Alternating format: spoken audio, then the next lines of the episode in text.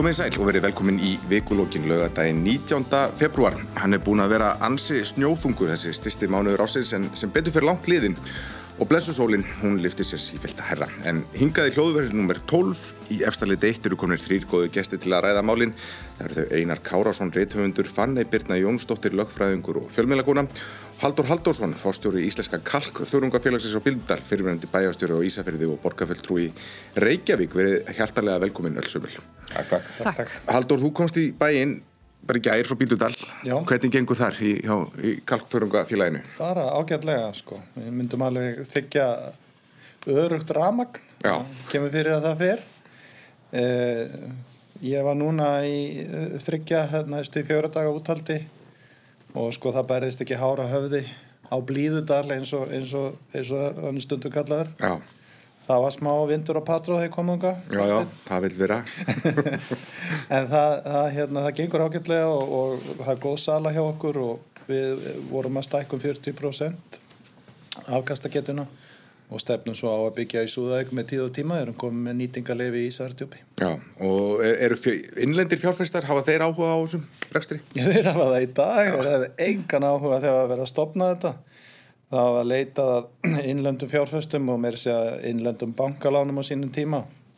Það vildi enginn koma að þessu, að enda með því að það var írst fyrirtæki sem hafði tölvöld know-how í að vinna úr kalkþörungum.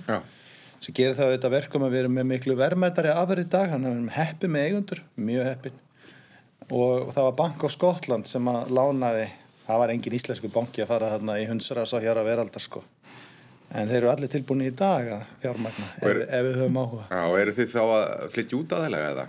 Já, 99,9% Einar, februar eru rittumundar enn að jafna sig eftir jólabókaflóðið eða er þetta tíminn það sem þið komið mest í verk? Skriftir? Já, það er nú einstaklingsbundið, það er nú yfirleitt við mig sko, mér finnst þú að gott. Þetta er eitthvað, þetta er eitthvað undarleg svona bara sálran innstilling mér finnst svona þegar langt liðu ár þá finnst mér ekki taka ég að byrja á neina þetta er alltaf að vera búið. En svo skyndilega komið nýtt ár. Já. þetta er svona eins og maður fáið sko 365 auð blöð. Og þá kemst ég yfirleitt í, í, í stöðu að gera eitthvað. Já, og ert á fulli núna? Já, ég var nú að klára eitt svona lítið verkefni sem ég var beðinum og, og, og svo fer maður í eitthvað annað þetta er eins og maður er eins og landafjandi með það Þetta er okkur notalegur tími til þess að vera að skrifa líka með veðri svona Já, og, og líka hækkandi sól sko. Já, það er eitthvað, það er alltaf upplið Það er orka sem fylgir hækkandi sól Já Hvað er þú? Þú drefsti til Berlínar á dögunum. Já. Varst þú kvikmyndaháttið? Já, ég var uh, á vegum Glasriver, framlöfslu fyrirtækisins sem, sem að var að framlega sér einu svörtu sandar sem að stöð 2 síndi á dögunum. Uh, og þar var það sem heitir svona Erlend frumsýning á þessari kvikmyndahátti Berlinali það sem að uh, við aðstandendur og fyrst og fremst kannski aðal stjórnurnar, leikstjórar og, eða leikstjóri og, og, og leikararnir gengur auða dreilin ja. ég reyndi nú svona að smigla mér baktir á meginin, kannski ágjala við mig en, en þetta var rosalega skemmtilega reynsla og gaman að sjá gróskuna í þessu uh, kvikmyndagerð Og hvernig tóku, hvernig, hvernig tóku útlendingar í þessa þetta? Mjög vel, eins og bara rosa mikið að flest af þessu íslenska efni sem að verða að framleiða á sína erlendis. Já. Þetta er einhvern veginn uh, svona, já, þetta, þetta Nordic Noir og kallar og nú voru þeir að tala um post-Nordic Noir uh, svona þessi, þessi svona pínu deprimerandi glæpa þáttaserjur uh, hafa bara notið gríðarlega vinsalda og þessi ekkert síður eh, og þetta er einhvern veginn, það er svona e, ístendingar eins og mm, einar svo sem þekkir best eru, eru sagnamenn og, og þeir kunna alveg að setja það á blad og greinilega ekkert síður að, að setja það í bæði sjónvarp og bíó og, og þessu var bara gríðarlega vel tekið. Mm, skulum að tala um meira um sjónvarp síðar í þettinum. Við skulum byrja á bladamennunum. Lauruglan á Norðurlandi hefur bóðað fjóra bladamenn í yfirferðistu vegna mentrabróta á fríðhelgi Ingalís Páls Stengriðssonar skipstjóra hjá Samherja og þeim er veitt réttastaða sagbortninga. Þrýr blaðmannuna hafðu skrifað fréttir um svonenda skrimsladeild, nei, skærulega deild samherja í stundina. Hérna hefur eitthvað frótið hann slipp í, í, í handrætskerinni í stundina og kjarnan og svo er Þóra Arnarsdóttir, Rittstöri Kveiks, uh, hér á Rúf líka bóðið í yfirheyslu Það er óætt að segja að þessi bóðun hafi vakið hörð við bladamennir og fagfílu þeirra hafa bent á að bladamann megi ekki lögum samkvæmt gefa hverju heimildamennir eru, eru og þessi áhyggjöfni að laurugliðu veld sé að bóða bladamenni yfirherslu en aðurir þar á meðal fjármálarraðara hafa sagt að bladamenn séu ekkert og góðu til að mæti í yfirherslu og lauruglun eins og aðri borgarar. Fannig, hvernig, hvernig horfir þetta mál við þér? Uh, mér finnst þetta bara gríðarlega alvarlegt mál og uh, það er náttúrulega Uh, pínulítið óljóst nákvæmlega hvers vegna verður að kalla þessa bladamenn uh, til yfirherslu og veita þeim þessa réttastöðu grunnara uh, sem að ég þekki bara mínu störfum tekur alveg rosalega mikið á fólk og er bara reyðarslag og þarf náttúrulega að kosta til síðan við, við bara undirbúa sig og slíkt. Um, því ég, ég fæ bara ekki séð nákvæmlega hvað lauruglunni gengur til og, og það sem að Uh, fjármálaráður og fleiri hafa verið veldu upp hvort að bladamenn séu eitthvað betri en það eru og get ekki staði fyrir máli sínu. Uh, ég bara sé ekki ég, ég, fæ ekki séð hvaða kann að vera sem að þeir hafa geti hafa gert sem að raunverulega varðar við lög og á ekki uh, engar undatekningar sem að, sem, að, sem að lúta að bladamönnum og bladamennsku taki ekki á. Þannig að ég, þetta, mér finnst þetta bara gríðarlega alvarlegt. Uh, við höfum náttúrulega kannski mestar upplýsingar frá bladamönnunum sem að fengu símtöl frá lauruglunni mm. uh, en það verður samt líka að vera pílundir óljóst ennþá þannig að það kannski eftir að sjá komi ljós í næstu viku þegar þess að yfirreysli fara fram uh, nákvæmlega um hvað ræðir en eins og þetta blasir við núna þá, þá þá er þetta bara rosalega alvarlegt mál eins og, eins og sem flestir sem hafa bröðust við þessu, ekki allir þó hafa, hafa bent á og Uh, Nú hafa, stíði frá lögfræðingar sem hafa sagt að það er sjálfur sér íllskára að vera með réttastöðu sagbortningsheldur en að vera bara óbreyttur borgari að því að þá já, hefur meira svigrum en ella. Já, það er sko sannlega, þú þarfst ekki að svara þú, þú, þú með sagt, þú þarfst ekki að svara og, og, og beina sökinni að sjálfum þau getur rauninni bara mæti svona yfir og sagt ekki stakt orð mm -hmm. og þetta veitir þið sannlega ákveðna vend en, en, en lögreglan uh, skellir ekki bara réttastuður sagbortningis á hvert sem er upp á gaman eða til þess að vera rosalega næs uh, og til þess að passa þeirra réttindi. Þetta þýðir það og er yfirlýsing lögreglunum um það að við komandi grunaður um að hafa uh, fram í glæp, refsiverðan glæp og, og eins og ég segi, það er ekki gert bara af einskeri hlýju til þessara bladamanna, mm. alls ekki. Þannig að þetta þýðir að, að þarna grunarlaurugluna ætlar að grenslast fyrir um það hvort að, hvort að það geti verið að þarna hafa verið framtir glæpir og nákvæmlega hvaða glæpir ég bara, ég, ég, ég fæ ekki sé hvað það kann að vera. Er ekki, sko, mér finnst eina hugsanlega skýringin á því hérna, sem er í gangi vera svo að eh, lauruglana fyrir norðan og þá hérna, ein manna trúir þessum vænu sjú, uh, sjúku uh, dilgjum sem að Pál Viljánsson bloggari og framhanskóra kennari hefur verið að skrifa í halvt ár núna þar sem hann heldur í fram að uh, þessi bladamanna klíka sem er ákjærð hafi reyndað, hafi eitrað fyrir tilteknum manni sem að hafi næstum hérna, týnt lífinu mm. og sko hérna Pál Hessi, hann, það þarf nú ekki mikið að lesa hans skrift til að sjá að hans hugmyndaheimur er mjög undarlegur.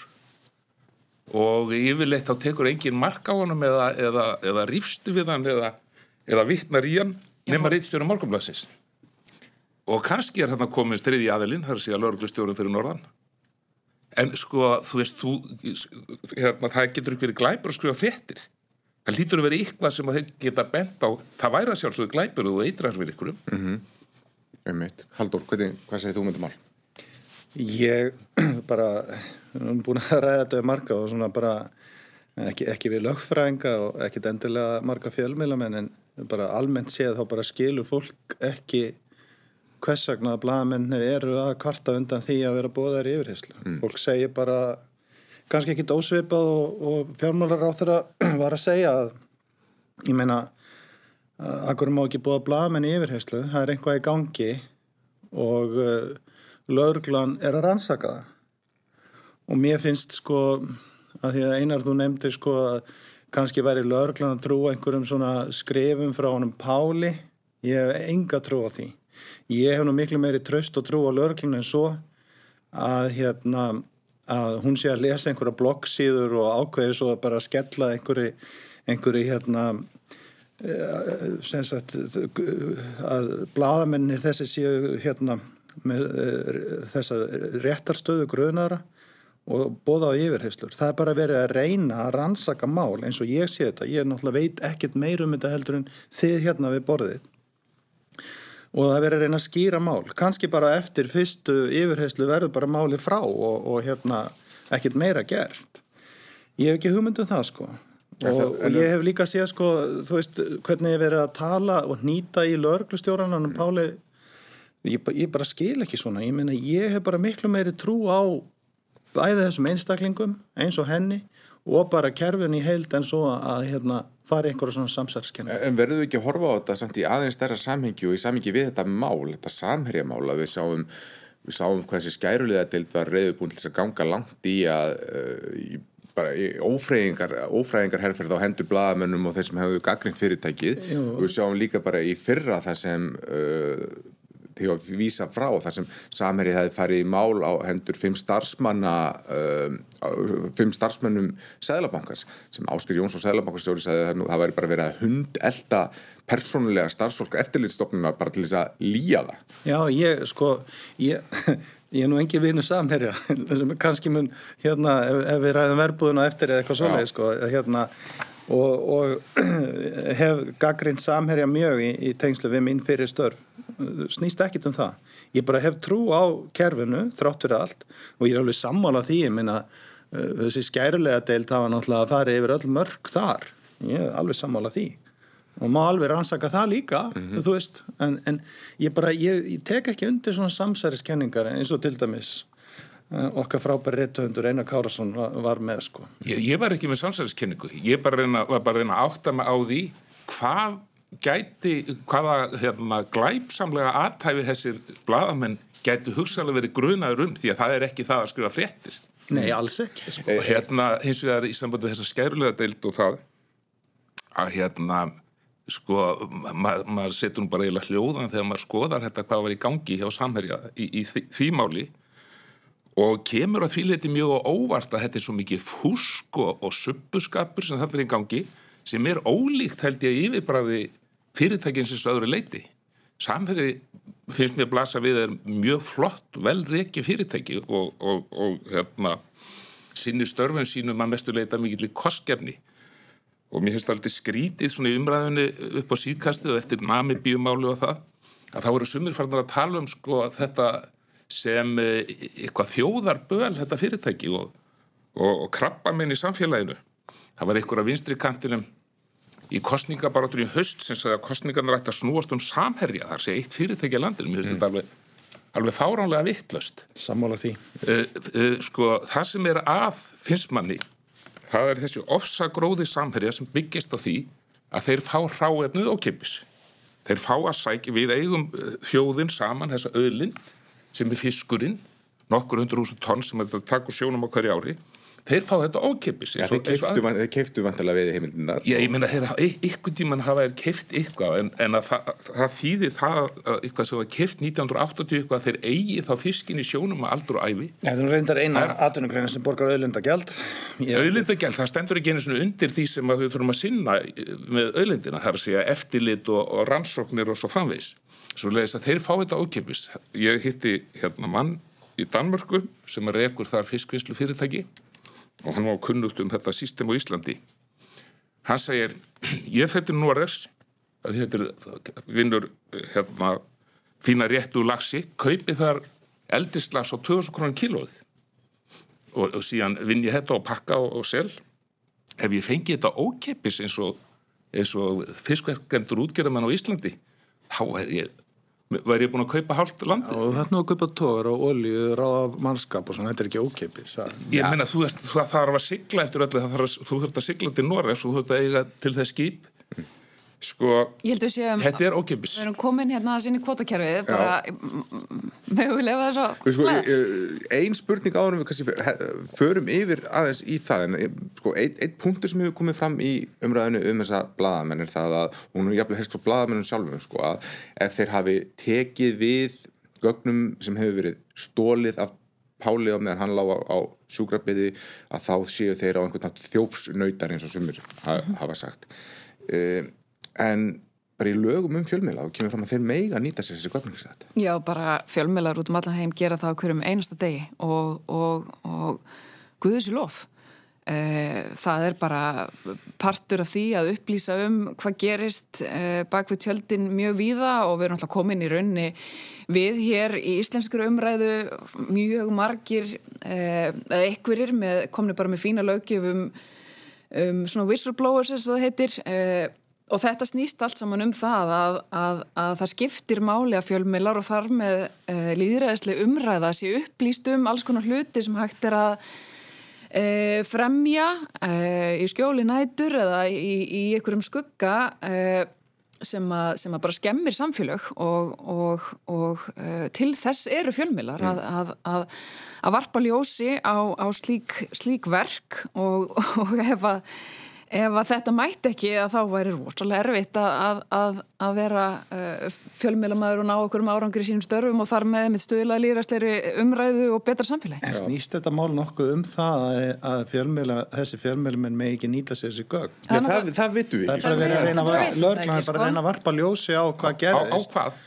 En það er spurning, Hvernig, spurningin er þá, er þetta, snýst þetta um það að þau hafi þegið gögnin, snýst þetta um það að þau hafi skrifað fréttinnar, snýst þetta um það að þau hafi, eins og eina segir, eitrað fyrir manninum. Við veitum það ekki, en allir möguleikarnir eru rosalega langsóttir og skrítnir. Náttúrulega, þau munir náttúrulega ekki tjásu um það hvernig þau skrifið fréttina eða hverju voru heimildamenni eða mm. neitt svolítið, sko. En það kemur löglinni það ekkert við og bara samkvæmt lögum eh, má löglinni ekkert fá þær upplýsingar, má engi fá þær upplýsingar. Þannig að það er verið að leita einhver öðru. Og hvað geta verið? Nei, það er spurning. Þú sér að ég sé með samsæriskenningar. Já, með samsæriskenningu á henni. Eina sem ég hef heyrt um það eru þessi skrif Páls Viljánssonar. Já, já ég, ég hef enga trú á þeim, skilur. Nei, okay. en, en, en hefur engar áhugjur af því að svona atbyrðir þetta hafi fælingar áhrif á fjölmiðlar? Bara segir, heru, við, við bara stöndum gíus, við bara getum lendi í einhverjum lögfræði kostnaði upp á, á miljónir og, og svo framvegis. Hefur enga trú á því? Nei, ég hef enga trú á því. Ég hef nefnilega trú á því. Af, því að, af því að ég held að sko, þú ert vanur því að standa í sviðsljósinu, þú ert vanur því að þér beinist öll spjót. Við hérna erum það held í öll, en venjulegt fólk og þar með bara oppin af þeim sem starfa sem blada fjölmjölamenn eru ekki svona sínileg eins og við hér höfum öll fengið reynsla og það er stórkostlega, stórkostlega erfitt Eh, og ég hef nú bara setið með mönnum sem hafa stöðu eh, grunara í yfirheyslum og það er alveg sama hvort þeir eh, eru saklusir eða, eða segir að hvernig sem það er það er bara gríðarlegt átak að, að setja í, í þeim aðstæð Já, algjörlega, en, en sko Jón og Gunnar getur bara að hafa lendið þessu út af einhverju allt öðru máli, sko, við værum ekkert að vorkina þeim, sko En þetta eru bladamenn sem að auðvitað, það er tökkur í bladamennum þrátt fyrir allt. Auðvitað snertir okkur öll ef við fáum stöðu grunaðs aðila og lendum í yfirheyslu. Það bara segir sér sjálft. En, en Jón og Gunnar út í bæ geta lendi líka bara út af einhverju allt öðru atveki og Já, við verðum ekki að tala um það. Við fáum þá líklega að vita hvað þau eru grunuð. Um. Já, ég held líka að sko... Eina frægustu skálsuna 2000-aldarna, þetta er réttarhalduna, þetta er Frans mm. Kafka. Mm -hmm. Í byrjun bókar þá er hann ákjærður hann er að slástu það alla bókina þá til hann fremur sjálfsmórið í lokin. Hann fær aldrei að vita hann fær aldrei að vita fyrir hvað, hérna, fyrir hvað hann er sakaður. Það eru náttúrulega sökuð um ég held að það sé líka rétt sem að Bertet bendi hérna á áðan að þetta, þetta, þetta mál verður ekki til í ykkur tómorumi þetta er eh, partur og nýjasti kaplin í atbyrðará sem er búin að eiga sér stað í nokkur ár og er eh, búin að vera mjög mörgum þar á meðal starfsfólki hér innan hos gríðarlega þungbar Og, og ég bara, við náttúrulega eins og, eins, og, eins og við erum öll sammálum hér, við veitum ekki nákvæmlega hvað er að fara að gerast þarna á lauruglustöðinni Reykjavík á vegum lauruglustjórnars fyrir norðan í næstu viku, en, en það verður bara mjög áhugavert að sjá og ég hérna... Ég hef bara meiri trú á lauruglu en svo að hún taki þátt í einhverju óeðleri atbyrðars. Ég vona að það sé, það sé við, á, á rétti tilfinningu. Við fylgjumstu auðvitað með hverju framvindur en þessu, þessu tengt að minnst að kosti lauslega sjónvartættinir verbú, þeir lögu göngu sinni í vikunni og það er ótt að segja að stættinir hafi vakið mikla lukku og fólk hrifist með ég vil ekki áhuga ungs fólks á kvotakerfinu, ég var í, í, í partíi hjá kortnungu fólki á sundarskvöld sem það er klætt sig upp í uh, í anda, anda nýjunda áratugurins og, og var með 80's mat og hvaðina og það sagði mér þetta, fólk fætt 97 og í kringu það, sko, veist bara, mjög langar að vita meir um þetta kvotakerfi. Haldur, þú hefði næstu ekki að vera persóna bara þarna í loka vettinu, þú varst bæjasturinn nokkrum árum eftir að guggan silda brott. Hvernig, hvernig fannst þér þetta? Ég var bara bæjasturinn held ég bara allir hafi ekki orðin bæjastur árið sem er gukkan sildi endanlega á brottu það er svona láfið að maður mætti henni í fjardarkæftunum sko. þegar ég kom keirandi að, að sunnan með litlu fjölskylduna mín að flytja á, á Ísafjörð. Sko ég svona fyrsti þátturinn þá svona Æ, mér fannst þetta svolítið mikið ykt sko þannig að ég var svona pínu vandar ég þurfti aðeins að taka á til þess að horfa í gegnum hann sko.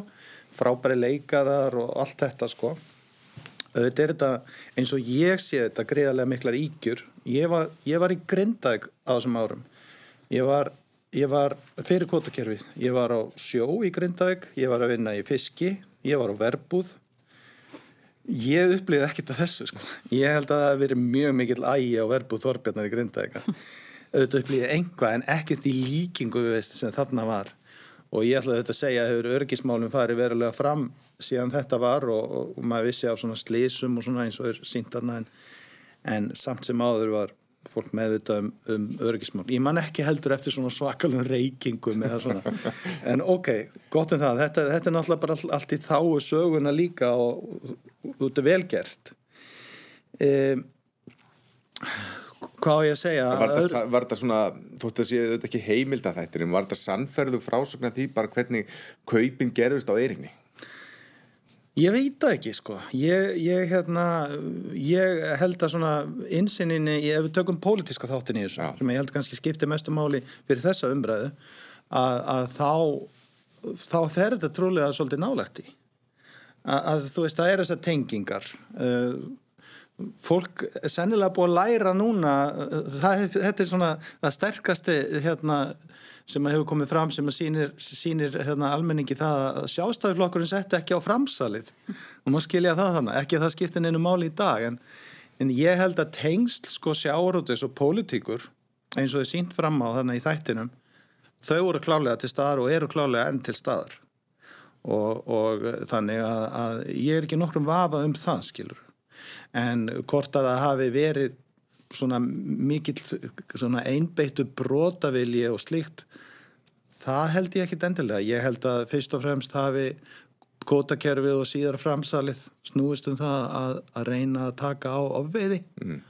og annars vegar ofveiði og hins vegar hagfræðilega þátt þættinum sem var bara það að sjáurúturinn stóð mjög illa. Það voru allt og mörg skip og það þurfti að hagra og gert með þessum hætti einar skálskapur, hann getur haft áhrif á sögurskoðum fólks. Ég veit að mínir gömlu kennarar í sakfræðiskóru við Háskóla Íslands eru ekkert sérlega hrytnir alltaf að því en, en ég man allavega ekkert Þór Bernhardsson heitin kennari minn, hann tók nú djöblaðun þessi dæmi um, um verk sem allavega stöðlaði að breyttu við þóru almenningst til til dæmis braggabúa. Uh, fólk sem hafi verið sætt bara miklu fordómum og hann allt í hennu sko uh, fekk fólk bara betri insýn inn í, í líf fólks og bara hlutskiptið er að heldur að það sé eitthvað svipað á ferðinu hér með verbúðina? Já, ég, ég skal ekki segja hérna, það var nú allavega ekki sko, ég hafði engar, ekki svo hálitara hugmyndir um, um það sem ég var að gera held í því að ég var að skrifa djöflaðina, að ég væri reyna að breyta hérna, almenningsálitinu en, en e, það er hins vegar greinlegt að þeir e, haf, höfðu hérna erindi sæmilega skýrt þessi sem gerðu þættina verbúðina og mér, í rauninni fannst mér það að vera mun, mun sterkara heldur ég hafi óttast að yrði sko. Mm.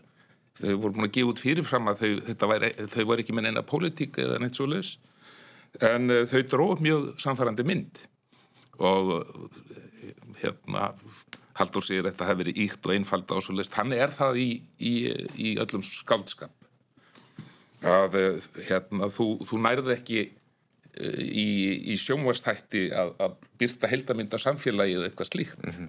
það er alltaf einhverja líkil personur og þær eru settar í, í líkil aðstöðu og mér fannst þetta mjög vel gert. E, núna erum við að tala um að fyrir 30 árum þegar að framsalið var sett á og þetta hefði verið vinstrimenn sem gerðu það sko þetta, þetta, þetta var náttúrulega bara líður í, í ákveðinu þróun og ég held ekki rétt eins og Haldur segir að menn hafi ætlað sér neitt illt með því. Hins vegar hefur komið í ljós hversu eh, í rauninni skjelvilegar afleðingar þetta verður haft að mörguleiti og, eh, og eh, margar helstu pólitísku hreyfingar í landinu hafa haft þá stefnusgránu að vinda ofan að þessu, breyta þessu bæði vegna þess vegna þess tjóðfélagslega óréttlæti sem þetta verður haft í förmið sér. En það er aðalega þrýr flokkar, íhalsflokkar sem að e, hafa staðið gegn því mjög harkalega og þeir hafa verið stjórn síðustu fjóður árun og verða líklega næstu fjóður líka. Mm. Þannig við erum að, sko ég fættu hvað 79 bjóða Patrísvið, ég. Ég er bara fætt þarna 83, Já, ég náði. Ég, ég náði skottið á þessum tímum en, en ekki nógu gaman til þess að til þess að hafa kannski með það sem var að gerast á þeim tíma en, en fyrir þig og já, þú er svo sem úr fjölmiðlum og kannski uh, rannsaka þessi máli að skoða það einhverju leiti en heldur þetta verði til þess að auka áhuga ungsfólks á þessu málflokki? Já, sannlega og mér finnst það bara eins og þú lýsir þessu, þessu uh, nýjenda áratöksparti uh, og maður sér það bara á, á samfélagsmiðlum hvar unga fólki er að helst að halda sig að það er rosalega, ríki rosalega reyði yfir Uh, já, þeirri atbyrðar á sem að þeim byrtist í þessari sériu og, og, og vonandi bara verður þetta til þess að umræðan hjá þessum aldursflokki verður meiri. Mér finnst eins, bara eins og þú, ég man þetta ekki. Uh, ég sé bara myndir af mér sem batni í ykkurum skjálfilegum fatnaði uh, sem ég gerir ráð fyrir því að við þurft að vera í sem, sem ungir menn. En mér finnst svo áhugavert hvernig mm, í rauninni þeir sem að sko halda utan með um hagsmunagestlu og svo ekki síður pólitíkasötnir eru einhvern veginn svolítið að missa umræðina frá sér og, og ég held að það sé fyrst og fremst að því það hefur skortina vilja til þess að laga þá agnúa sem er á kerfinu og langflestir og með við skoðanakanninu sko, já, mikil meiri hluti þjóðarinnar er á því að sé á kerfinu. Það var ekki 70% sem að eru bara lýsa sig held ég bara hreinlega uh, á móti kvótakerfinu sem, mm. að, sem að er rosalega svona einföld spurning á, á mjög flóknu máli en það þýðir bara að, að, að þeir sem þeir sem, sem þykir vænt um þetta kerfi eins og það er og þeir sem kannski muna eftir einmitt ofveðinni og, og ástafanu fyrir því að því að komið á sín tíma þeir hljóta að vera hrættir við þessu stöðu og, og hafa Eh, held ég í ljósi þess að, að, að þeir spyrna með fótum og vilja ekkert gera og, og svo hefur svona þáttaserja já, atbyrðarásin í kringum samherja síðustu ár sannlega ekki hjálpa til mm -hmm. þetta, þarna verður bara kvótakerfið holdgerfingur, einhverjar grílu og óréttlætis og, og á einhverjum tímapunkti mun held ég ef ekkert verður aðgjert þessu kerfi bara að vera kollvarpa það hlýtur að, að enda þannig. Þannig ég, ég, ég er bara mjög glöð að, að emmitt, yngri kynnslóru eru farnar að láta þetta sér varða. Það, það verður að taka svona djúpa umræðu um þetta hvernig þessu verður best við komið. Og ég heyrði nú sjáuröldus ráð þegar að ræða þetta hérna svona pínulítið Endi Rós fannst mér í morgunútvarpunni í vikunni. Svona ja en svona langað til þess að segja meira hvað henni raunverulega finnst en, en kannski kann ekki við það í þessu stjórnarministri sem hún er í. E, að gera þetta þannig að þetta sé sangjarnara og það er kannski það sem þetta snýst allt saman um og, og fólki svíður. Að það eru eins og hún orðaða þeir sem að þeir sem að halda, halda utanum þetta verða ofsaríkir og, og aðrir sem eru um mitt eigendur öðlindarinnar, þeim finnst þeir ekki fá nægilega mikið fyrir sinnsnú mm.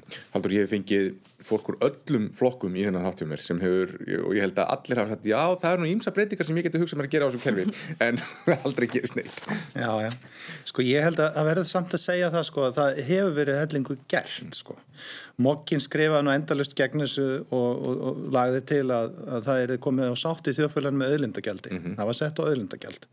Það verist ekki næja, kannski er það ekki nógu hátt eins og einar komin á áðan. Eh, svo auðvitað er búið líka að setja á smábótakerfi og það var sett á línu í vilnun. Ég var, ég var nú með því á sínum tíma landsvendi sjálfstæðisflokksins að að hérna, reyna aðstofa Guðmund Haldursson frá, frá Bólungaeg hafa sagt að, að, hérna, að að hann náði ekki gegnum sjáratsnefndina en, en náði gegnum stórasalinn á, á á landsfundi konar, að búa að gera alls konar svona breytinga til þess að rey, reyna að breyta þessu. Ég sagði oftar neinu sinni á fleirin einum opnum fundi um sjáratsmál þegar ég var bæðistur í Ísarabæðar að sumar stórútgerðir, í nafngreinda er ekkit endilega, klárlega var samherið þeirra eftir náttúrulega áfalli sem allir eru fyrir með gugguna hefðu komið óorði á kvotakerfið mm -hmm. með því að misnóta kannski var ég að segja kannski tók ég of stert til orða vegna þess að það voru kannski ekkert að misnóta heldur vegna þess að kerfið var sett upp þannig í framsalið að það átti að fækka hérna skipum og það átti að taka þá úr umferð sem að stóði sér verst en, en fyrir vikið liðu byggðalög fyrir slíkt mm -hmm. Þannig að, að kannski var ég ósangjarni í garð samhérið þegar ég segi þetta en það sem ég átti við auðvitað er það að menn eiga auðvitað getur að gera lofurðum eitt eða annað ef þið allir sér ekki standa við það. Og það held ég að hafi verið allt og algengt í þessu að það komi fyrirtæki og voru að ná sér í aflaheimildir og voru svona einhvern veginn að reyna að fá frið kannski, kannski bara til að komast út úr þorpunu lifandi, ég veit það ekki. Það er það sem að hefur líka bara situr í fólki, það eru sárindin í fólkinu eftir slíkt, það eru svig það er svikin lofurð af því að við svona almennt séum göngum út frá því að fólk standa við orðsinn mm. en, en þessa, þessi fyrirtæki voru að vinna til leikreglum. En, en, en þetta, þetta kerfi það hefur gert nokkra menn aðalega menn, Karla, forríka. Já. og þetta er auðvitað spurningum það og mun halda áfram að gera og, og hversu, hversu ríkir eiga menn að vera, vera því að, að vinna? Menn hafa enga leifið þarna til þess að sækja í geysile verðmætti Við getum, uh, sko, þó að sé, hérna, uh, þó að sé út í hött. Einhvern veginn segir bara ótakmarka, þeir ætti bara að verða eins ríkir og ekki orðið, sko. Já, það, það segir nú að, að það myndi finnast einhver gefilegur haugur af gullsandi ykkur staður á miðurlandinu. Og allir myndi sjá að það er bara gullæði og vesen ef að fólk fær að æða stjórnlust í þetta.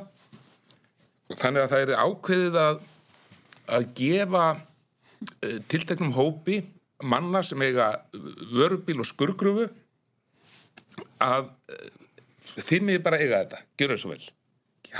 Gera þetta þessu sín sækið bara, þú fær 15% þú fær 10% og svo framvegis.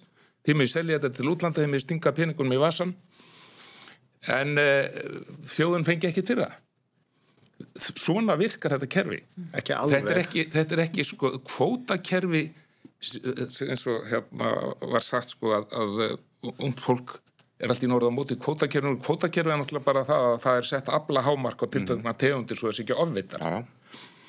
en hins vegar að eh, mönnum sé sem sagt veitt enga leifi til að sækja þessar afla heimildir það er það sem að fólki svíður mm. já, og mér finnst mjög skrítið að, að þessi velreknu sjávarútis fyrirtæki okkar skul ekki bara bjóðast til þess fyrirfram Þegar, við sjáum enga sangin í því að við séum að fá þetta fyrir ekki neitt. Mm -hmm. Við viljum borga fyrir okkar hráefni rétt eins og við borgum þeir sem við fáum ólíuna hjá fyrir hana og við borgum þeir sem við kaupum skipina, við borgum þeim. En, en, og við erum til í að borga fyrir hráefnið og skapum þetta sátt en svo, svona hlutir eins og það er engin kvöðum nýtingu til þess að þú getur átt kvóta og svo bara lekta hann áfram og, og hyrt renduna já, já, þú getur nú ekki endalins gert það en, en sko, en þetta er ekki alveg svona einar þetta er náttúrulega þannig, ég til dæmis var hjá fyrirtæki sem var sko stopnað 1953 í Grindavík þegar, þegar kótakerfið er sett á 30 ára setna Meina, hefði verið eitthvað sangjant að þetta fyrirtæki hefði ekki fengið með að við veiðreinslu sína að halda áfram að reyka sig?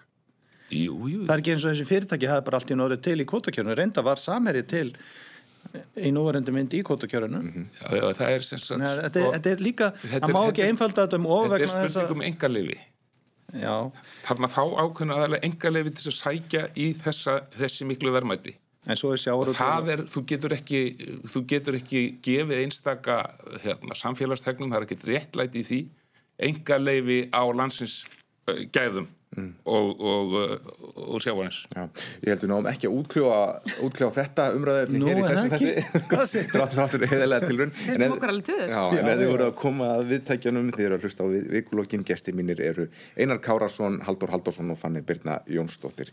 Um, önnur takmörkuð auðlind sem reynir á þessu dagana er fastegna markaðurinn það eru rosalega hækkanir sem er að kera upp verðbólgu, stýrivextir eru að hækka og það verður samt lítið býta á og veikur nú að sagt frá því að það eru fleiri fastegnasalar starfand á landinu heldur en eru íbúður til sölu í, í borginni, ekki um að 300 eignir eða svo. Samt sem aður, það hefur verið met uppbygging í, í Reykjavík og, en, en bara þetta er gamalt vandamál en okkur tekst einhvern veginn ekki að einu sinni haldi í horfinu. Nei, og það er, það er, það er, það er vöndun á öllum tegundum. Uh, við höfum náttúrulega helst búið að vera með uppbygginga, það var náttúrulega helst verið af, af svona uh, smerri íbúðum. Mm. uh, skilst að sé með ásókn í einbíli eða sérbíli heitir það vist og, og eiginlega engin slíka fá þessar minni smærri íbúður fyrir, fyrir unga fólki eða fyrstu kaupendur eða, eða þá sem að hafa yfirleitt minna milli handana eru náttúrulega okkur verði sem eru er, er stjartfræðileg uh, og, og fyrst og fremst erum við náttúrulega bara elda skottið okkar skottið okkur frá því í hruninu, það sem ekkit var byggt. Og með uppbygging í kjölfarið á fyrst, tímabili það sem ekkit var byggt, mm -hmm. svo að segja segir í rauninni ekki neitt. Við erum ennþá bara að reyna að vinna upp hennan, vinna upp hennan hala og það þarf held ég bara eitthvað meira að koma til af því að fyrst, ef fólk hefur ekki þakki yfir höfuði þá er eiginlega allt annað svona svolítið e, bara ómögulegt mm -hmm. leiði ég mér að segja og ég hérna gott að hafa gott, að hafa, gott aðgengi að rafmagni en, en, en þú veist, fyrst og fremst myndi ég vilja bara geta loka mig af fyrir sem vindi og, og, og, og átt eitthvað eftir um ánum og til þess að e, til þess að kaupa í matin og þú veist, þetta er ég, ég hef náttúrulega engar lausnar á þessu annars þetta ég ekki hér. En, en það er alveg ljóst og uh, þetta var náttúrulega rætt, rætt mikið í, í uh, varandi viðbröðun við, við COVID-faraldrinum, viðbröð Sælabankans og, og, og hún Kristún Frostadóttir sem er núna þingmaður samfélkingar, hann alltaf tók fór mikinn í kostningabarættunni þegar komað e, þessari umræðu og, og bendi í raunin á já, hvað myndi gerast á næstu missurum sem síðan hefur raungerst mm. e, að, að þessar hækkanir eru stjátfræðilar, þetta er bara e, og fyrir okkur sem eigum húsnaði bara þú veist, ef maður er ekki einhvern veginn aðeins í einhverju, einhverju, einhverju braski þá bara horfum maður á einhvern veginn virðið hækka og þar alveg endi gjöldin hækka og maður glæst ekki sérstaklega við því. Ég bjó í íbúð sem var keft í blokkaríbúð í Álfum sem var keft árið 2011 á 22 miljónir ég sá sambarli íbúð til sölu um daginn á, á, í sama hverfi á 54 miljónir mm. þetta eru ótrúlega tullur mm. Ótrúlega tullur og ég, það vant að talandu um Kristrún Frostadóttur að hérna, það vant að hún nefnir svona á til að megi líka útluta fleiri lóðum að, að, að, það vantar alveg inn í öfnuna hjá henni en það hefur verið talað svolítið um lóðaskortin en á sama tíma það er búið að deiluskipilegja fullta lóðum en ekkert verið að byggja mm. var ekki umkvörtunum um lóðaskortin meira sannfærandi eða væri allavega verið að fullnýta þessar byggingarheimildir sem eru til Já, nú hef ég náttúrulega ekki gott yfirlitið yfir þetta komið fjögur ár síðan að ég var í umhverfskiplasaður Reykjavík borgar og borgarfulltrú en, en mér fannst þá og mér finnst enn að að það megi líka sko, vera með svona kannski aðgengilegri lóðir. Mm. ég, held, sko, ég held að væri sniðut fyrir sveitafélaginu höfbruksvæðin að samanast um eitthvað svæði. Eða inn í einhverju sveitafélaginu verður að auðvita það sem að væri svona eiginlega bara nýtt smá íbúða eða einhvað, þú, þú veist, það sem að er ekki svona rosalega kröfur um allt. Við til dæmis byggðum á 11 dögum 8 íbúður á Bíldudal 2018 bara fyrir fyrirtækið, mm. fyrir starfsfólki okkar og hérna það var bara svona plug and play. Uh, við gerðum það gamna okkar vegna þess að við vorum beðnum að halda erindu um þetta á einhverju húsnæðistingi hérna fyrir sunnan. Við gerðum það gamna okkar, við tekkum á öllum sveitufélaginu höfbruksvæðinu hvort við hefum geta byggt svona hús þar ekki séans Áhverju standaði það? Bara enga lóði fyrir svona. Þetta þykja bara ekki nógu góð hús. Þetta er bara gámahús sem þetta er alls ekki. Uh, og dæmis uh, byggingaregnum gerðum algild hönnun og svo framvegis? Já, já, algild hönnun Já, það er náttúrulega ekki lifta Nei. Veist, það, Þetta er á tveimur hæðum hjá okkur og það er bara stíi Já. Þannig að veist, það er líka mjög mikið flækistug í kerfinu og veist, það er mjög erfitt að gera þetta. Auðvitað þarf að byggja hérna, hús uh, með liftum og, og svoleiðis en þurfuðu öll að vera það, ég veit það ekki. Þegar við erum í svona miklu mandraðan mm. Ég held að það sé alveg rétt að, að, að sumuleiti eru gerðar of miklar kröfur þar sé að til að hérna, til húsnæðis. Og ég man nú bara eftir því að þegar að ég var við hjónin vorum kortnung, þá byggum við stúdenta íbúð í, í, í hérna, kaupanahöfn með börn í íbúð þar sem fór mjög vel um okkur í fjögur ár en sem að er aldrei samþygt þegar að segja þetta var nýtt og þetta var reynd og þetta var gott og allt í fínu. Þetta var bara svo einfalt að þetta gerða þetta myndi ekki standast. Mm. það er eins og svolítið merkilegt með þessi með þetta þetta rosalega hækkandi verðlag á fastegnum að uh, það tengist alltaf þegar að verða svona rosalega skot í, í, í, verðhækkunum á, á þeim, þá tengist það sko fjármálakerfinu, fyrst og fremst. Ég man að hérna það var, var alveg sakalega sprenging á húsnæðisverði í byrjun aldarinnar, þar sé fyrir hrun og það væri meðal annars út af þessum 90% lánum og, og bankandi kom inn með, með lánsfjós og framvegis Núna náttúrulega upp á síðkasti var það það að menn sáu þetta tækifæri þegar að vextinni voru þetta svona lágur og það var auki peningaframbóð. Mm -hmm. Þá hækkar verðið. Svo leiðis að þetta ekki, stendur ekki alltaf í samhengi við, mm -hmm. við frambóðið. Ja. Þetta, þetta sko, þetta er, þetta er mörguleiti sérmærandi hugmynd að byggja einhvers konar smáböð og hverju finna einhvers þar loðið til þess og þá fyrir fólk sem er kannski að byrja á markanum, við sjáum fyrir okkur kannski. Hjón á, á þrítusaldri með töpötn eitthvað svo leiðis, þau þurfa að komast í eitthvað ódýst en ef það væri verið að riðja sem sagt eh, ef það væri verið að, að búa til þannig lóðir þá yrði það öllum líkindum í útjæðri þessa víðartum miklu höfuborgarsvæðis og það er ekkit hagstætt fyrir uh, kornum tólk sem er að kaupa sér fyrstu íbúð. Mm. Að vera einhvers þar í óra fjarlag með geifilegum samgöngu kostnaði helst þurfa að reyka tvo bíla og svo framvegs en það er náttúrulega samt sem áður það sem, já, það er samt sem áður það sem hefur gerst síðustu árin er að, að fólk hefur bara leitað í, í sveitafélagin sem er einmitt fyrir utan þetta stór Reykjavíkur eða uppborgarsvæði það er að fara á Akranes, það er að fara á einmitt, Þólasöfn og Selfoss og hveragerði. Og Suðunessin, þetta er mörgulegtið gleðilega þróun fyrst mér á stöðum ég, en, ég, ég, en það breytir í samt ekki að það liggur fyrir, veist, við erum með svo skrítna uh, svo skrítna stöðu að, halveg rétt sem eina segir að fólk vill ekki endilega vera eitthvað staðar þar sem að það er kannski klukkutíma eða, eða 40 mítur að koma sér og bíl úr útkvarfum skoðana kannur hafa sínt að, að ungt fólk, vallust eða með börn, það vill vera miðsvæðis. Mm -hmm. uh, en þetta er bara ekki að gerast náður hratt og ég veit ekki hvort það þarf að byggja Uh, nýtt smáðubókverfi eða verkamannabústaði eitthvað staðar eða hvað það er en það, ég held eiginlega bara hljóti allt að koma til og þetta hlýtur ríkið einhvern veginn að þurfa e e Eitt svona atrið sem svona fær maður til að efast um ég að það er kannski bara træðulegum álið að verki en ég man eftir hrun þegar ég er að vinna sem bladamæður á frettablaðinu og ég talaði við einhvern tjópa sem voru kvartu við því það var engin yfirsýn heldar yfirsýn yfir byggingamarkaðin það var ekki vita uh, hvað væri byrjað á mörgum uh, byggingum mörgum lóðun sem væri, byrjað, sem væri búið að deiluskipilegja Í dag er þetta nákvæmlega eins. Það er bara samtök yðnaðarins sem er að gera út einhverja menn sem er að rúnd um bæin að telja húsgrunna. Já, ég held og, að samt að sé verið einhvað að laga þetta núna. Já, en þetta er náttúrulega bara að því að þetta er byggingarstjóra að skila inn framvinduskíslum og þetta er bara mhm. snýst málu þetta er bara spurningum að búa til gagnagrunna þetta er bara upplættanlegt á hafstofunni bara þetta er alveg svona galið að það sé ekki búið að koma þessu í gagnin sko, bara, bara því að yfirsýnin vantar Ég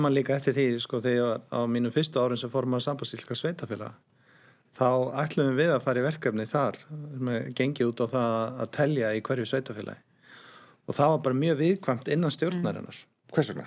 Uh, vegna þess að í stjórnin sáttu náttúrulega nokkru frangatastjórar einhverja sveitafélag á höfbruksvæðinu og voru bara móti mm. Við vildu bara ekki það, draga það fram sko. Já, það þýðir það að við erum alltaf einhvern veginn að svona rífast um eitthvað sem ætti að vera bara hægt að googla. Eh, við ættum að geta verið að rífist á einhverjum grundulli staðrenda en við erum alltaf að rífast um eitthvað huglætt mér líður eins og það sé ekki verið að byggja ná mikið. En er ekki húsnaðar sem mannverkistofnun að taka eitthvað á þessu? Ég, ég alveg sammála þetta á að geta verið miklu, miklu einfaldara og, og hérna og líka bara ætti bara að vera aðgengilega fyrir húskaupundur og húsbyggindur að þurfu ekki bara að treysta á fastegnasalan og, og seljandar út kannski að kaupa hús í byggingu eða hvað það nú er að þú geti bara að tekka á því hjá svona einum aðila þú veist hvert er byggingastíð mm -hmm. hver er framvindan og er, er, er sá sem er að selja mér örglega hérna, að selja mér réttan hlut vegna þess að ég veit að það er mikið að slíkum vandraðum í gangi líka Já, maður hefur sagt að opið hús í dag það þýðir ekki lengur að maður er að koma hús, skoða hús sem er til sölu heldur að þú kaupir hús sem er opið, það er ekki búin að glukka á hörðir í En hérna, sko, þetta með e, þetta tengist alltaf mikið samgöngumálum mm -hmm. Og ég hef séð til dæmis fyrir mér þessi rosalega uppbygging sem er á Suðurlandinu, Selfoss komið yfir 10.000 og Ölfus er rosalega uppbygging, að eh, kannski inn eftir svona 30 ár þá verður bara komin önnur borg þarna. Það verður í 50 km fjarlag og segjum nú að verða þá lest á milli. Eh, þá verður alveg gjörbreytt, gjörbreytt hérna staða. Þú getur sest upp í lest á mótnana eins og vinni mínir í, sem byggur daldi fyrir utan Kaupanahöfn og unnu bæðinni miður í borginni, þau settust upp í lestina á mótnana með blöðin, kaffið sitt og morgunverðin, sátu þar og komu svo í vinnuna og, og, og tóku svo kósi ferð tilbaka gáttu verið að lesa eða, eða, eða eitthvað annað. Þetta myndi gjörbreyta stöðinni. Þetta, þessi bílaborg eins og höfuborgarsvæði hefur verið uppbyggt, hún þólir ekki mikið meiri útþenslu. Mm. Ekki, ekki, ekki eins og eh, hérna, staðan er núna. Er ekki fleiri bíla, það er alveg örugt. það er sko alveg Það eru einmitt sveitarstjórnarkostningar framöndan núna í mæ og línur er að skýrast til dæmis hérna í borginni einar það var prófkjör í þínu gamla flokki um, um, síðustu helgi e, samfélkingunni og það er komin listi lítið breyttur en hvernig líst þér á? E, ég, sko, þetta, ég þekki þetta fólk flest ágætlega sem er hérna í eftir sætum og, og hérna mér finnst bara ekkert skrítið að skulle vera lítið lendur nýjan þetta er, þetta er ungt og fríft fólk sem er í miðjum klíðum eins og dagur og, og, og, þau hinn. Já, og uh, ég meina þetta er við þekkjum þeirra störf og, eins og ég segi þau eru kannski í miðjum klíðum með, með, með sín verk svo sem ég líst ágætlega á það. Þeim Ég, tekst hérna- einhvern veginn samt alltaf eitthvað að þvælast fyrir sjálfum sér í þessum prófkjörum. Við sáum í þessu forvali samfélkingarna fyrir, fyrir uh, aldingiskostningar að þar voru margir ósáttur, þar var meðal þú og eins og núna þá snýrust fréttir síðustu helgar aðalveg um það að manni hafi verið tilkynnt degi fyrir prófkjöru að hann var ekki kjörgengur og svona framvegis, þetta er svona eitthvað volið vesen í flokknum í þessu. Já, ég, hérna, ég meina, ég, ég skil nú ekki alveg það vesin, ég setti mér svo ekki inn í það en, en það er eins og menn hafi verið búið að lengi að fatta e- e- ef það var svo að ykkur maður var ekki kjörgengur. Það hefur kannski einfalda málun að bara afgreða það strax áður en að fara út í þetta brókir. Við veitum náttúrulega ekkert hvort að hann hefur komist á lista. Nei. Það skiptir kannski ekki þannig sér máli. En hérna, þetta verður, ég, það er náttúrulega vekur aðtikli mína eins og, eins og bara sjálfstæðismanna að eh, hvað þeir eru í, í miklum vandraði með sjálfa sig. Ég, Ég, ég, held að hérna, ég held að eh, sko staðan hjá þeim er daldið eins og var hjá verkamannaflokknum áður en Tony Blair kom, verkamannaflokknum Breska. E, þá voru, höfðu verið ráðandi í flokknum menn sem er rauninni til, tilherðu liðnum tíma. Þú veist, kólanámu kallar frá og, og, og svo framvegis þegar var að vera að loka kólanámum vegna þess að þeir voru ekki lengur arbærar og svo framvegis. Eh, þá kemur fram eh, maður sem segir bara "Heyrðu, það eru nýju tímar við þurfum bara að gera þetta öðruvísi. Og sumulítið hafa anstæðingar okkar haft rétt fyrir sér. Við tökum uh, aðlögum okkar pólitíka því og, og þannig sigru þeir. Að þessu leiti sé ég svona eins og hana oddvitan uh, kandidatin Hildi og fleiri í kringum hana. Að þau bara sjá að hugmyndir sko gamlu kallana um eh, borgina og borgamálin e, þetta bara gengur ekki. Flokkur mun aldrei ná neinu vopnum sínum uh, með þeirri pólitík með því að með hrabröta slöfum út um alla borg og svo og, en hins vegar þeir hafa ennþá svo mikil ítök að ég sé ekki að þeir komist á stað með nýja hugsun. Mm. Haldur, þú varst náttúrulega odditi uh, í Reykjavík 2014 til 18 Einn af nokkrum, það hefur verið mikil endun í notutastöðunni hjá sjálfstæðarflokknum en á þessu kjörtíðanbili það hefur verið talað um það sé við rauninni tveir borgarstjórnarflokkar, þetta sé annars vegar flokkurinn hans Eithos og svo hennar Hildar. Er hægt að saminan, getur, getur næstu odditi gert það? Og er Hildur Björnstóttir rétt að mannskil til þess? Eða Ragnhildur Alda Vigfúsdóttir sem, Vilhjálmsdóttir sem býður svo líka fram gegnumni Ég held að alveg án til þess hvort þeir að vera oddviti þá ætti þær allan að hóa í einar og einar kára og fá hann til þess að, að hérna, þó það veri ekki nema að halda einar ræði vegna þess að það sem einar var að segja það er alveg tölur til í því sko. Og ég, ég man ekki ég var ná einhvern tíðan með glæru sjó þess að ég sí- sýndi fram á hversu margir oddvitar hefði verið frá Daví Ottsinni, ég man ekki hvort að ég var 8, 9 eða 10, ég man það ekki. Og eitthvað þá 11 eða eitthvað ég, það verður farin sér leið alltaf. Veð, veðja einhvern nýjan fyrir hverja kostningalið Já, það eru auðvitað, það eru auðvitað alveg rétt að það eru átök milli hins liðna og sömur vilja bara halda í það mm. og þess nýja og ég fór ekkit varhluta því sem oddviti, ég var auðvitað að reyna að halda hópnum saman. Uh, þannig að, að það kannski kom ekkit mjög skýrt fram. Já já þó, ég sé það nú þegar að dúk upp greina sem ég skrifaði hérna memory á Facebook. Uh, sko það var alveg, alveg, alveg klárt með 2014-2018 þegar ég var oddviti að, að það, flokkurinn er samstíga í öllum málum nema í skipilás og umfyrramálum mm. og það er bara tölvur mikill ágreiningur. Það, það, það er ekkert lindamál, það deilst engum. Þannig var það hjá mér, þannig er það búið að vera hægt gjört í hann bil mun nýjum oddvita, annar hverju þessara ungu kvenna takast þetta? Að breyta því? Mm -hmm. já, ég, ég, held, ég, held, ég held að það geti alveg verið en þá þarf að stíga fast til jarðar En það er einmitt, sko, flokkun, flokkun gekk ágætlega þannig að síðustu uh, kostningum fekk 30% en það kemur kannski litlu gagni þegar engi vil vinna með þér Það er málið, það þarf einhver að vilja vinna með þér mm. og það er, er persónlega ástæði fyrir því líka Já, sko. ég held að það er það sem ég ætla að peka upp og, og Haldur er svo mikill svona diplomatísku pólitíkus að þetta snýst ekki bara um uh, þessar deildumeningar uh, borgarstjórnarflokksins í uh, skiplásmálum sem eru sannarlega stóra ástæði fyrir því að fólk eða aðri flokkar sem að núna eiga sæti, svona hlegu eftir að sjá hvað kemur på kossunum uh, í næstu kostningum, hafa ekki vilja að vinna með flokknum. Heldur líka bara það að ég held að andin í þessum hópi og vinnubröð eins uh, hafi verið bara þannig að, að flokk, öðrum flokkum hugnast ekki að stíga inn í það andurslóft og það hefur náttúrulega, hefur náttúrulega mikið með það að gera að það eru bara með deildar meiningar innan hóps eins og fólk er mjög ósamála en það er líka þannig að það verðist bara ekki geta að tala saman og næstu því bandar bara köldu á milli fólks og það er náttúrulega bara mjög óeðlilegt í, í hópi.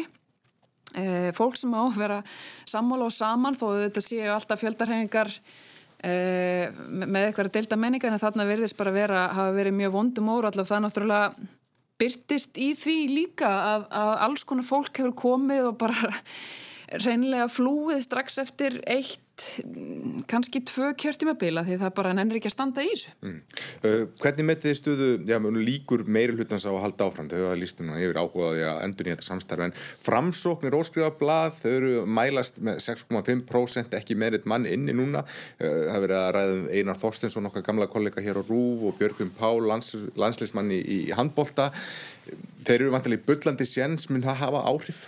Það getur bara haft mikil áhrif. Framsókn hefur náttúrulega ekki verið með mann þarna í svolítið tíma og ég ætla að lega mér að segja þessi döðafæri núna uh, ef, að, ef að þessum mönnum tekst að smæli kringu sig góðum hópi af fólki og það tókst svo sannlega hjá Framsókn fyrir, uh, fyrir uh, alþyggiskostningarnar og, og hvort er ná síðan einhvern veginn að búa til að því að núna er þetta bara svolítið óskræða blað fyrir hvað að standa þessi menn hvernig allir að, að samtvinna svona einhvern veginn þennan uh, samvinnu anda framsóknarinn í það sem að þeir berjast fyrir, ég átta mikið alveg á því og það var bara rosalega skemmtilegt að fylgjast með því en þetta geta einn, tveir, þrýr borgarfulltrúar úr þessari átt uh, breytt bara öllu uh, varandi stöðuna. Og ég tek bara svolítið undir það sem einar sagði á þann varandi samfélkinguna að Eh, það er ekkit óeðlegt að þetta fólk sem að lendi í efstu sætunum fái þau bara til sín. Ég meina þau eru búin að halda í sinn meirlut á leiða hann lengi og verðast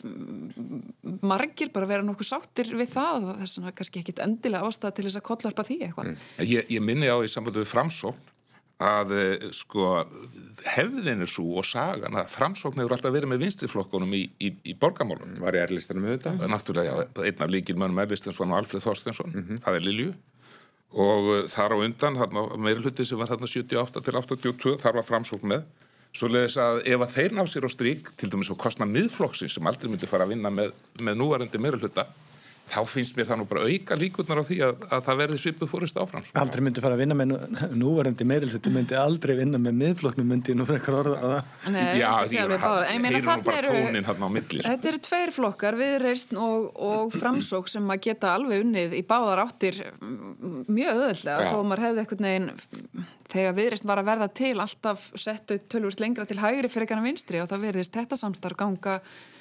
mjög vel og þau svona allavega mm, virka sæmilega sátt og verður áhugavert að sjá hvernig þau ætla að aðgrina sig frá emitt samfélkingunni sem er svolítið allt um líkjandi og hefur náttúrulega bitnað e, kostningar eftir kostningar svolítið á vafki að þau eru það hefur verið mikið í skugganum á samfélkingunni og náð oftast bara þessum eina Er því að samfélkingin er með borgastjóra. Já, já. En, en, hérna, í þessar könnum sem komum daginn, þá var komið ljós að þeir standa allir vel þessir flokkar sem mynda meiruluta. Mm -hmm. Píratar að bæta við sig og viðrastendu vel og...